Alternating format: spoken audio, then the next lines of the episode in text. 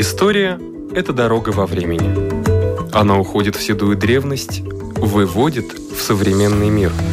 Она показывает, рассказывает, объясняет. И не перестает удивлять. Живая история.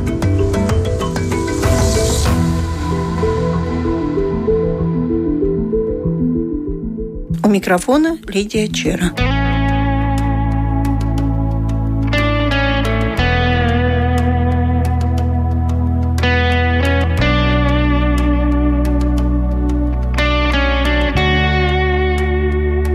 Историк городского музея Юрмала Инга Сарма. Кто же придумал такую тему «Слуги и господа»? Это началось все с выставки новой, которая в рамках Биеннале Марина происходит сейчас в Доме Аспазии. Эта выставка посвящена долголетней служанке поэта Фрайниса и Аспазии Анны Ринеце, Анниня и море называется выставка.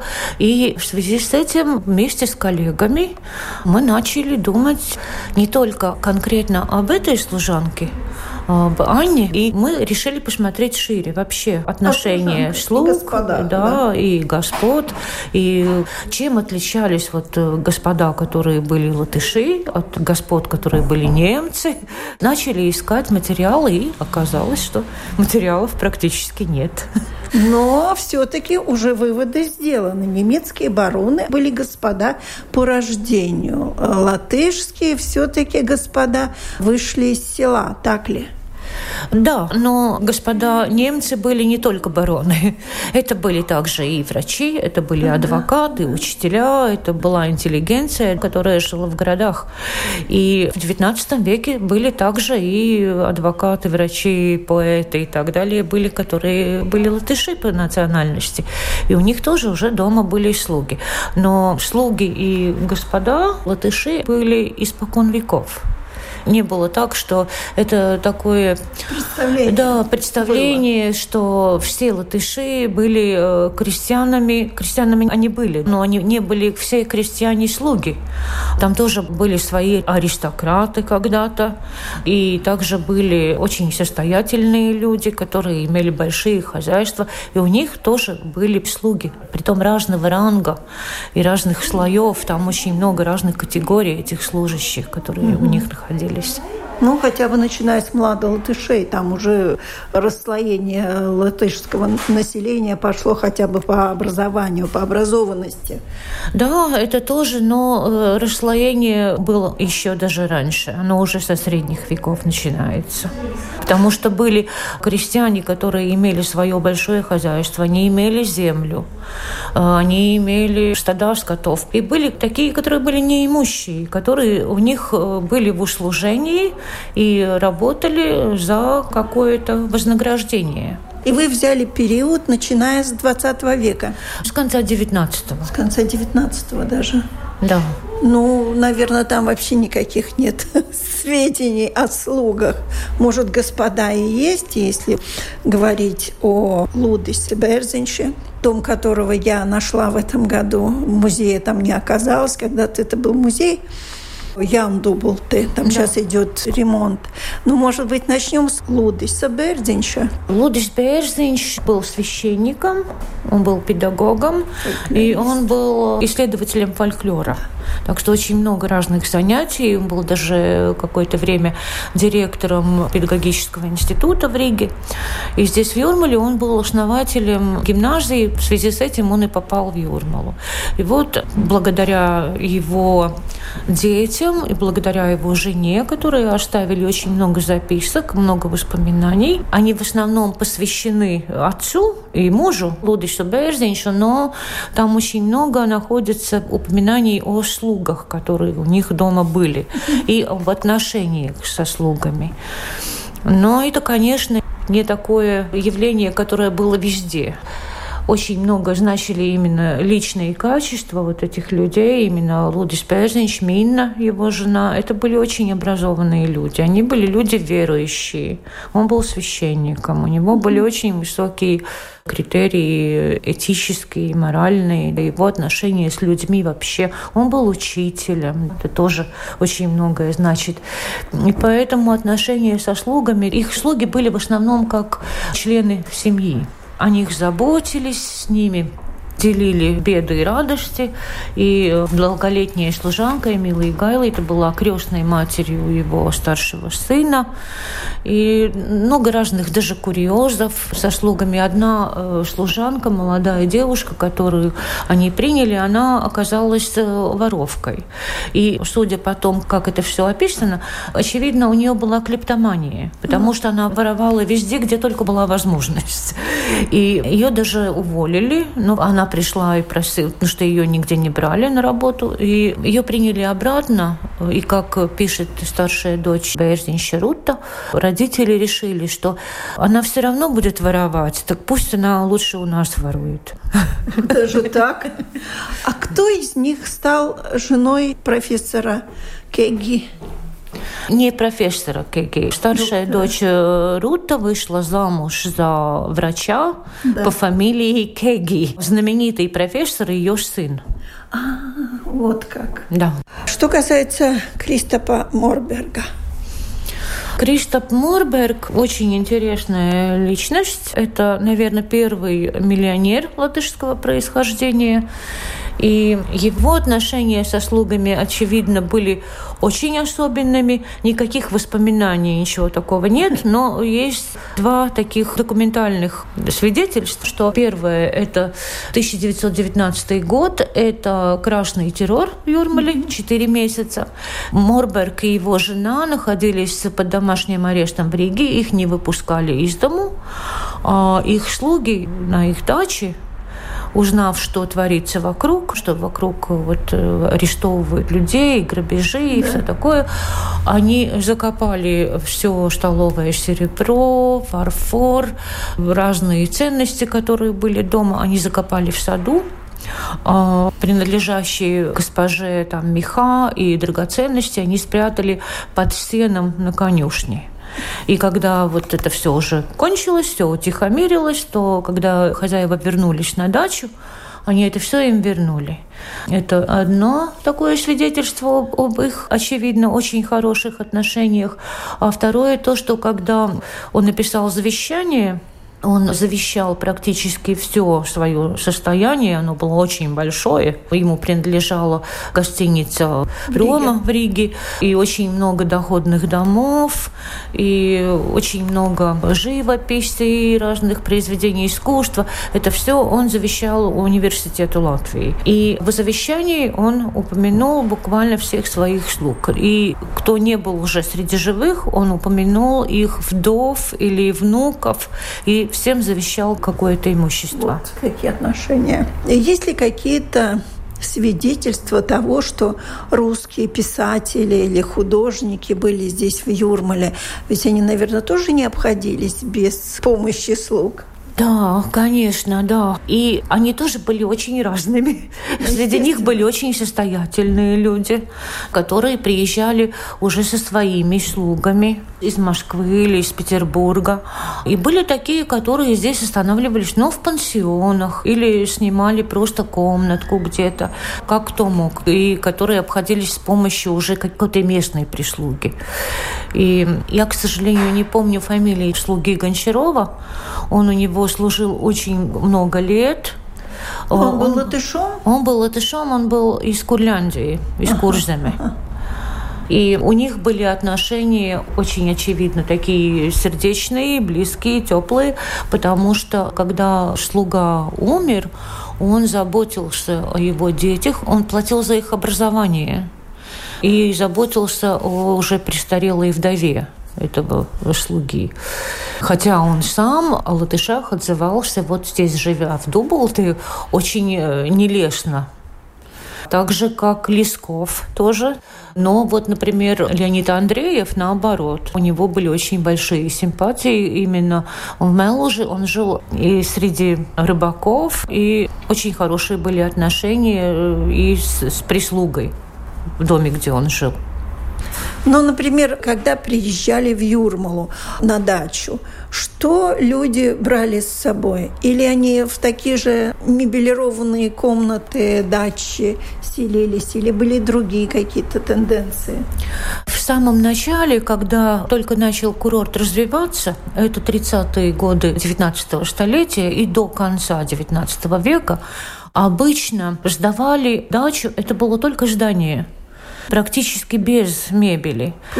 Поэтому это очень странно сейчас кажется. Но в Юрмалу приезжали тогда, и притом не было железной дороги, это нужно было на пароходе ехать или на дилижансе. И были такие груженные повозки с мебелью, с бельем. И потом еще белье даже не стирали здесь на месте, а белье пароходом отправляли в Ригу на стирку. А потом привозили такие корзины, были с бельем, которые потом просто ставили на причал, и вот прислуга должна была прийти и притащить вот эту корзину домой на дачу. Сейчас уже совсем все-таки другая ситуация. Да, сейчас, конечно, другая ситуация. И другая ситуация была в советское время, потому что тогда юрмальчане, у кого хоть был какой-то уголок, все старались ждать на лето, потому что это был дополнительный заработок. Да. Это был нелегальный абсолютно. За это можно было да. оштрафовать, быть неприятности. И ходили такие рейды по вечерам, проверяли. И уже знали дачники, которые приезжали уже даже многократно и тоже становились уже как частью семьи. Они уже знали, что нужно говорить, что мы приехали в гости, да. Да? мы родственники.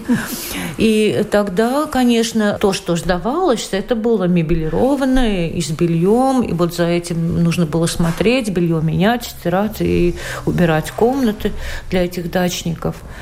Так да. что уже ситуация была другая. А вот когда в прислугу поступала молодая девушка, я знаю, что она там жила, она там готовила. То есть ночевала и дневала, и все время была занята. Выходных практически не было. Вот когда ее эта работа заканчивалась, что пенсии тоже не было же для таких? Практически работа никогда не оканчивалась, только когда она засыпала.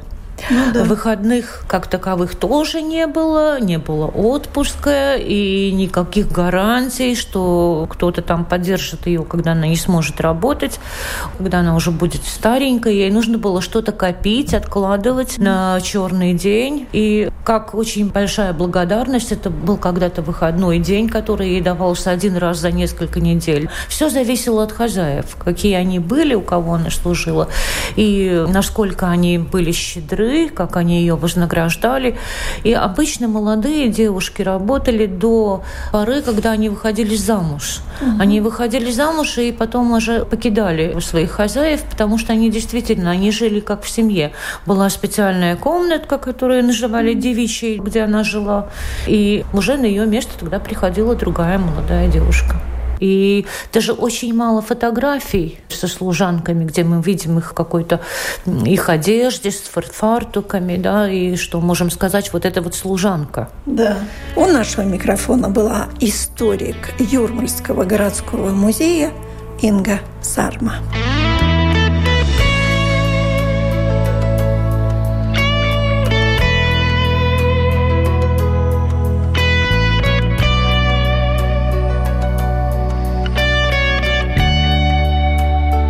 Руководитель Рижского центра югенстиля Агрита Тейпане с удовольствием рассказывает о комнате прислуги в квартире архитектора Константина Пекшина. Здесь же как раз и находится музей югенстиля.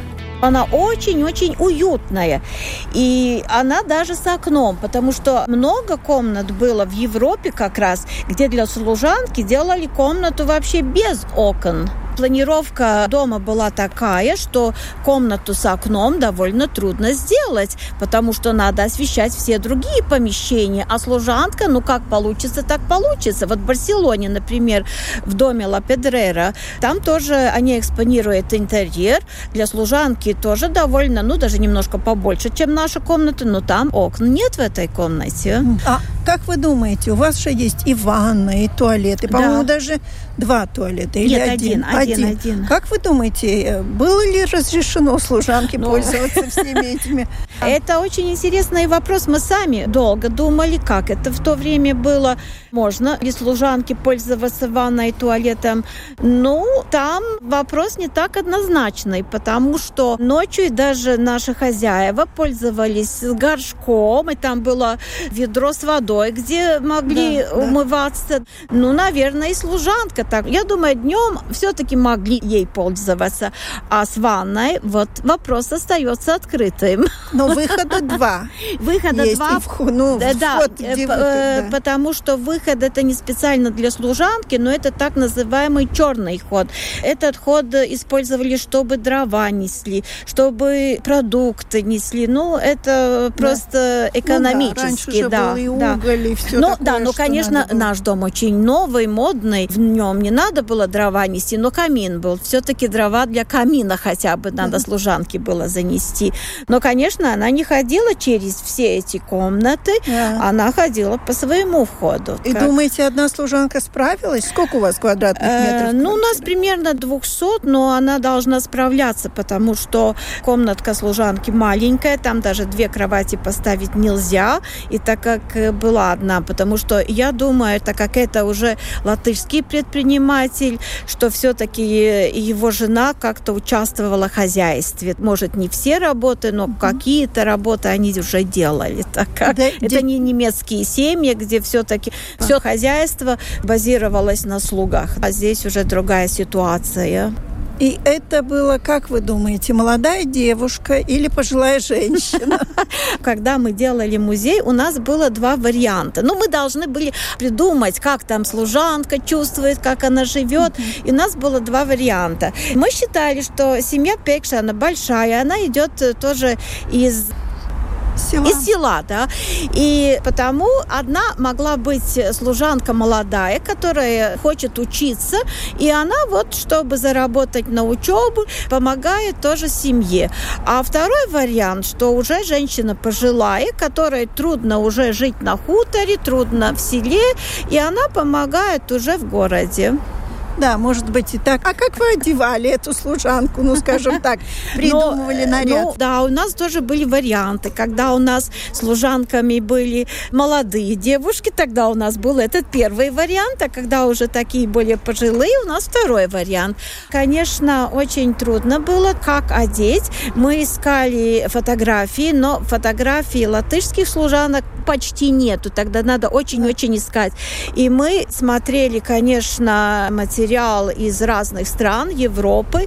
Искали книги, искали архивные, музейные материалы, кино смотрели ну, даже, конечно, да? да. И вот так получился. Я думаю, сейчас очень прекрасно наши служанки одеты. У них даже у каждой по две платья и, конечно, фартук. Фартук это вот, как символ да. служанки, но тоже фартуки разные. Есть такие, которые больше для работы, и такие, которых они уже служат у está lá Да, как много надо узнать, как много надо перечитать литературы, переспрашивать современников, которые, возможно, что-то помнят, чтобы одеть вот так, не просто вот как-то, как вы себе представляете служанку из э, фильма «Золушка», а чтобы она была, по крайней мере, латышская.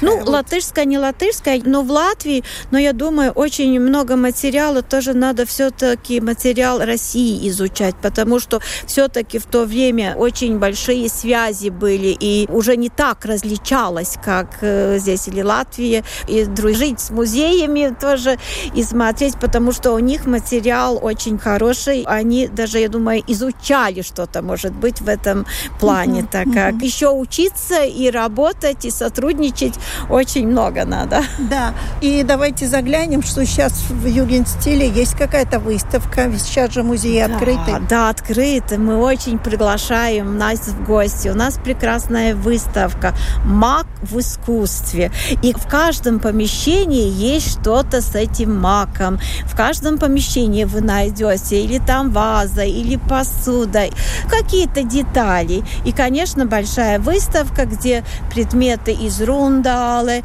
из нашего государственного музея, из музея Тукумса, Ялговы, живопись и мак в искусстве до наших дней. И мы показываем фарфор советского времени. Сейчас это очень модно. модно Рига да. порцелана фабрика. Я думаю, каждый для себя что-то прекрасное найдет и понравится. И как долго ваша выставка продлится? Наша выставка продлится до октября. Хорошо, успеем.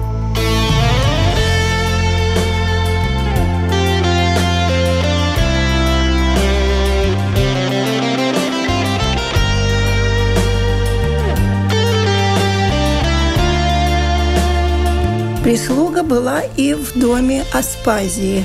Может быть, о ней побольше расскажет заведующая музеем Аспазии Ария Ванага. Конечно, Аспазия жила в этом доме своим творческим мышлением и заботами. А нужен был человек, который занимался бы хозяйством, и это была Аннушка или Анныня, Анна Рейнекс, которая за все время отслужила поэтам больше, чем 20 лет, начиная с того времени, как они вернулись из Швейцарии. И фактически она стала членом семьи Аспазии. И это все доказывало фотоснимки, которые мы видим. Аспазия довольно демократична. Не только на словах, когда она говорит «я демократ», но это отражалось в ее отношении к людям, потому что она не прогоняла Аннушку, или всегда она принимала ее, и всегда на фотографиях Анна находится очень-очень рядом с поэтессой. Единственное различие было, что госпожа или Аспазия, или Элза Пликшанс была с прической без платочка, а Анныня всегда была с платочком и с фартуком. Естественно, это сразу ее различало. Что касается Анныни, она поступила к ним молодой девушкой. Говорят, что чаще всего молодые девушки, поступая в услужение, потом выходят замуж и оставляют свою эту работу в услужении. А у Анны как? А, Анны, во-первых, было больше, чем год старше, чем наша поэтесса. То есть они были практически почти одногодки. Начнем с того. И если она начала служить им в 20 году, тогда посчитаем, сколько же было ей лет. 36 плюс 20, это было 56. А. В советское время это уже был пенсионный возраст. У нее была очень тяжелая семейная жизнь в связи с революцией, э, с участием там ее супруга в каких-то собраниях. Она потеряла как супруга, так и в конце и потеряла сына, который, услышав, что матери тяжело, подался сюда, в Ригу, и его признали дезертиром, и он оказался в тюрьме, и когда просили, кто же желает получить амнистию и поехать в Россию, тогда он туда и подался. И навсегда Анныня потеряла своих мужчин, и очень долго она просила поэтессу, что поэтесса ей помогла бы найти ее сына Карлиса. Но не удалось? Нет, к сожалению, не удалось. Но все это мы знаем из писем Анны, что касается ее образования, то Анна не умела писать и наверное, читать, но как бы она писала. И вот именно интересны очень эти письма, которые адресованы ее семейным друзьям, и где она вкратце пытается описать свою тяжелую жизнь И это ей помогает делать как Аспазия сама, что мы познаем от почерка.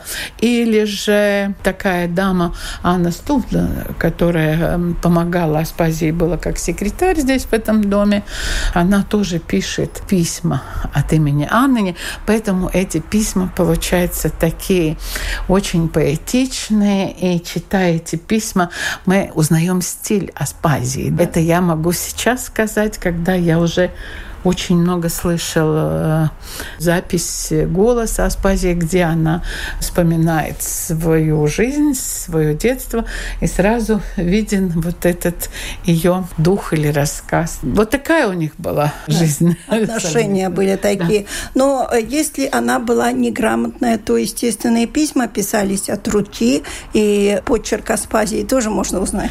Да, почерк Аспазии можно узнать, но что интересно, она, то бишь служанка научилась подписываться не крестиком, но она научилась написать свою фамилию. И очень интересно, что есть такие фотографии, которые она дарит близким друзьям Аспазии и подписывает, значит, Анна Рейнекс на память. Как вы видите, здесь портрет небольшой Анны Рейнекс. Также Янис Земельникс, например, дарит Анне свой портрет и пишет Анны Ринекс. Очень многие. Сейчас я побывала в архиве еще раз, готовясь к этой выставке. Очень многие ей писали, ее поздравляли. Именно ее конкретно. То есть письма или же поздравления были адресованы Анне Рейнекс. Анна Рейнекс прожила и советское время, и вообще всю жизнь здесь вместе с Аспазией. И Аспазия даже в советское время пыталась сохранить эти отношения. Ей надо было писать специальный документ, в котором она утверждала, что Анна Рейнекс ей служила служила долго, но вот сейчас она просто закончила работу, и поэтесса содержит ее в своей семье, потому что в то время это нельзя было делать. Анна Рейнекс была со стороны своей работодательницы защищена, что в то время была специальная касса больных, то бишь договор был честным, он был легальным, и поэтесса платила за нее налоги. И тут мы видим квитанцию, где Аспазия Плекшанс платит деньги в кассу больных, так называемая Ригас Майкал Потай Слимо кассы. Она туда платит денежку за свою служанку. Дело в том, что Анна Рейнекс вообще нам, юрмальчанам, достаточно близка, поскольку она родилась здесь же, на втором берегу Лелупе, пагости Пинти, Рижского уезда. И у нее была такая интересная фамилия Антенч. И это все мы можем узнать в старых документах домовой книги, которую мы используем и стараемся рассказывать только то, что подтверждается документами. Естественно, существует очень много легенд про Анныню. Да, да, да конечно. Например, когда я пришла сюда работать, Вообще здесь было такое мнение, что Анна вообще как бы вредитель чуть ли не. Потому что доктор, всеми нами уважаемый доктор Якобс Нейманис сказал, что Аннушка не соблюдала нужного диетического режима в еде и кормила поэтессу чем попала.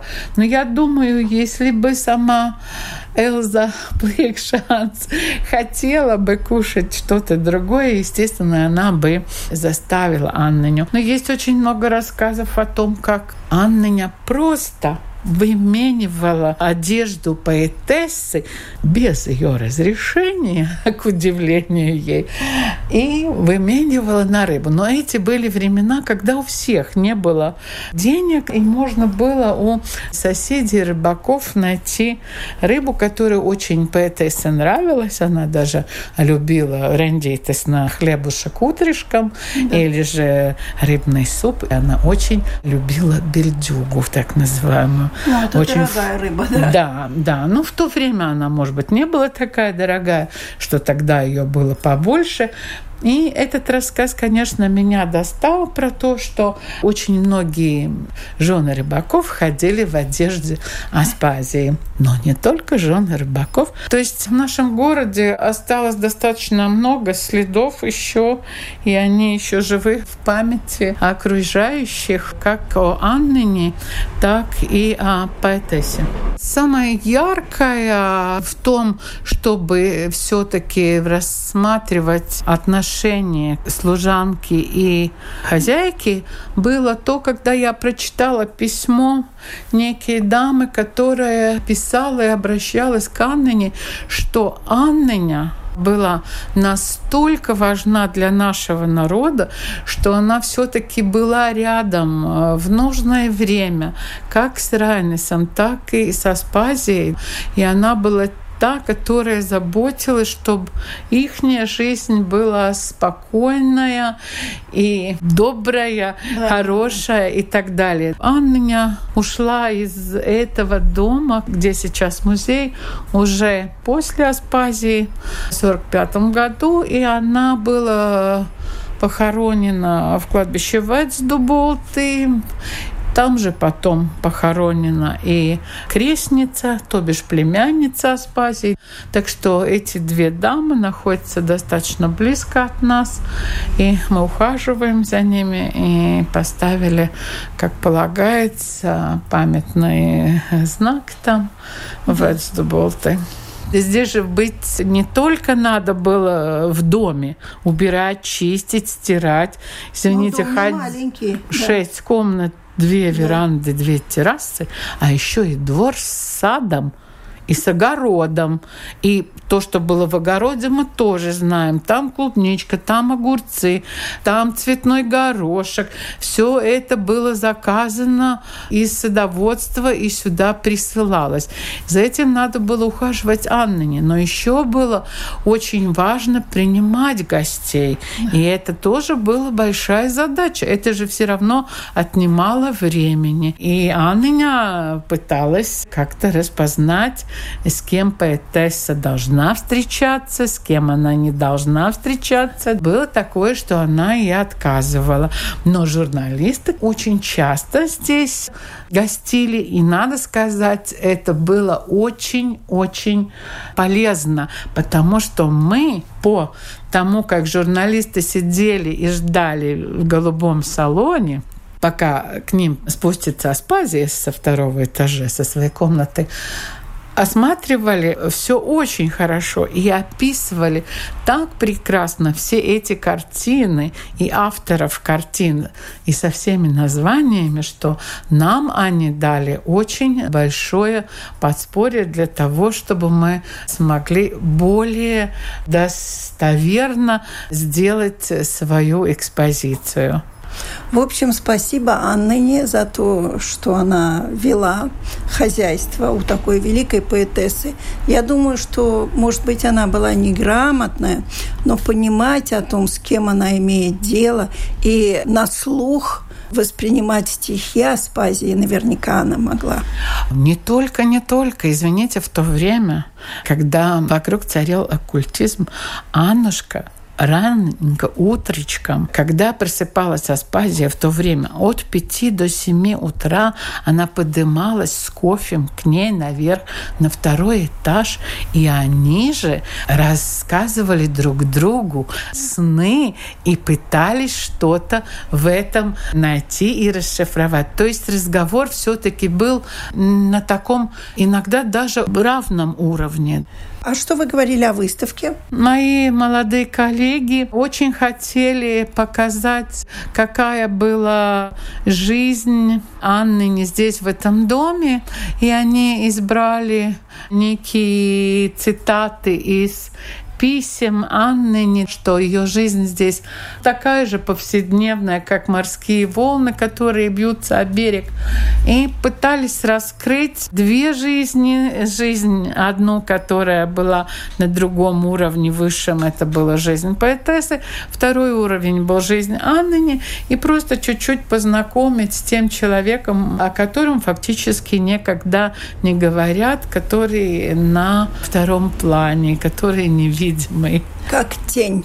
Да, конечно. У нашего микрофона была заведующая музеем Аспазии Ария Ванага. На этом наша передача заканчивается.